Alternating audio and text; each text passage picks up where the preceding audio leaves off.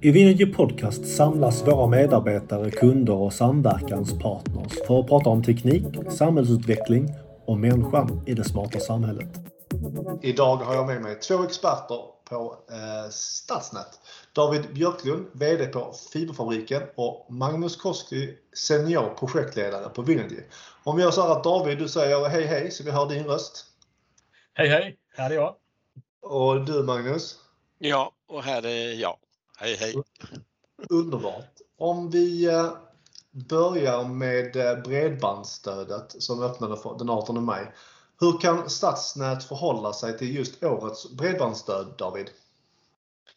Det är väl eh, så att årets bredbandsstöd är ett alldeles förträffligt tillfälle för stadsnäten att bygga klart de delarna av kommunen som hittills inte är färdigbyggda då, eller som inte har tillgång till, till fiber. Jag tror att ehm, många stadsnät nog kan räkna med att bli liksom kommunens huvudsakliga verktyg för att bygga färdigt kommunen förr eller senare ändå. Så att eh, det man står inför nu är nog eh, att bygga med bidrag eller att bygga utan bidrag vid ett senare tillfälle. Så att, eh, det är väl någon sorts grundhållning till, eh, till årets bidrags, eh, bredbandsstöd skulle jag säga. Hur ser tidtabellen för bredbandsstödet ut och hur kan stadsnätet tänka kring det Magnus? Ja, eh, den 18 maj då så öppnade ju PTS upp för ansökningarna och eh, det pågår fram till 9 augusti. Eh, och därefter kommer PTS att sitta och utvärdera eh, de ansökningar som kommit in och eh, även betala ut under 2021. Så hela hösten kommer man sitta och arbeta med det här.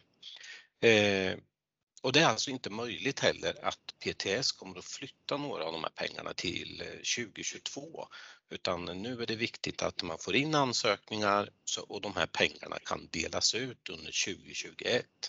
Okej. Okay. Och hur, ser, eh, hur ser förutsättningarna ut för att få bidrag för eh, sitt stadsnät, Magnus? Ja, men jag tycker nog att det ser bra ut ändå, för det är ju så pass mycket pengar. Det är 1,6 miljarder här som är utdelade på tre regioner, det är ju Sverige uppdelat i. Eh, och räknar vi bakåt där och tittar så är det ju drygt 530 miljoner per region att söka i bidrag. Eh, och det finns ju begränsningar för hur stora projekt och hur mycket pengar man får söka. Så ja, 50-60 projekt per region i alla fall kommer det bli utav de här bidragen. Så jag tycker vi, en ansökan, den måste man skicka in så man inte går miste om det här. Så stor chans tycker jag och förutsättningar för att få bidrag.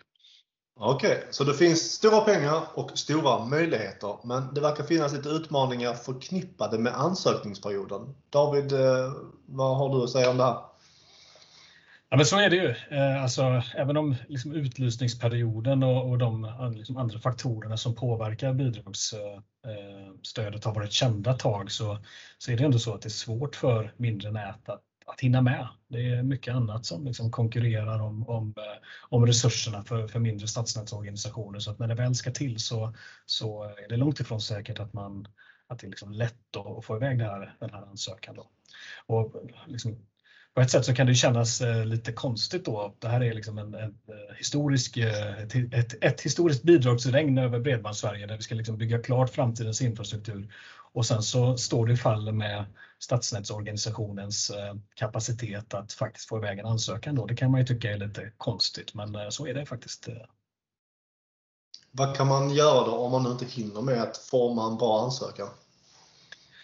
Men alltså ett, eh, man måste prioritera såklart. Det här är ju eh, alltså ett strategiskt misstag att inte få iväg en ansökan om det nu är så att man har obyggda delar av sin kommun som man dessutom Eh, kan misstänka att man kommer få på sin lott att ansluta så småningom ändå, då är det ju strategiskt eh, tveksamt att inte få iväg en ansökan. Så, att säga. så är det ju, så det behöver man prioritera. Eh, sen det är klart, kommer man till ett läge där det ändå inte räcker till så, så finns det ju möjlighet att liksom, ta hjälp av sådana som oss eller andra då för, att, för att faktiskt få iväg en ansökan. För att man har ju ändå hela tiden fram till den 9 augusti på sig. Så att givet liksom Eh, värdet, det potentiella värdet för stadsnätet och den insatsen som man behöver göra nu så känns det som att det alla gånger motiverar att, eh, att göra arbetet nu. Superbra. Eh, och om de som har lyssnat på det här vill komma i kontakt med er för att prata mer om det här, hur gör man det? Då vänder man sig förslagsvis till eh, David Björklund. David.björklund.fiberfabriken.se. Det tycker jag är en, en bra ingångsvärde. Det finns också andra, både PTS och, och regionerna runt om i landet jobbar med olika sätt för att stödja potentiella bidragssökare. Så att, mm. Det finns många sätt.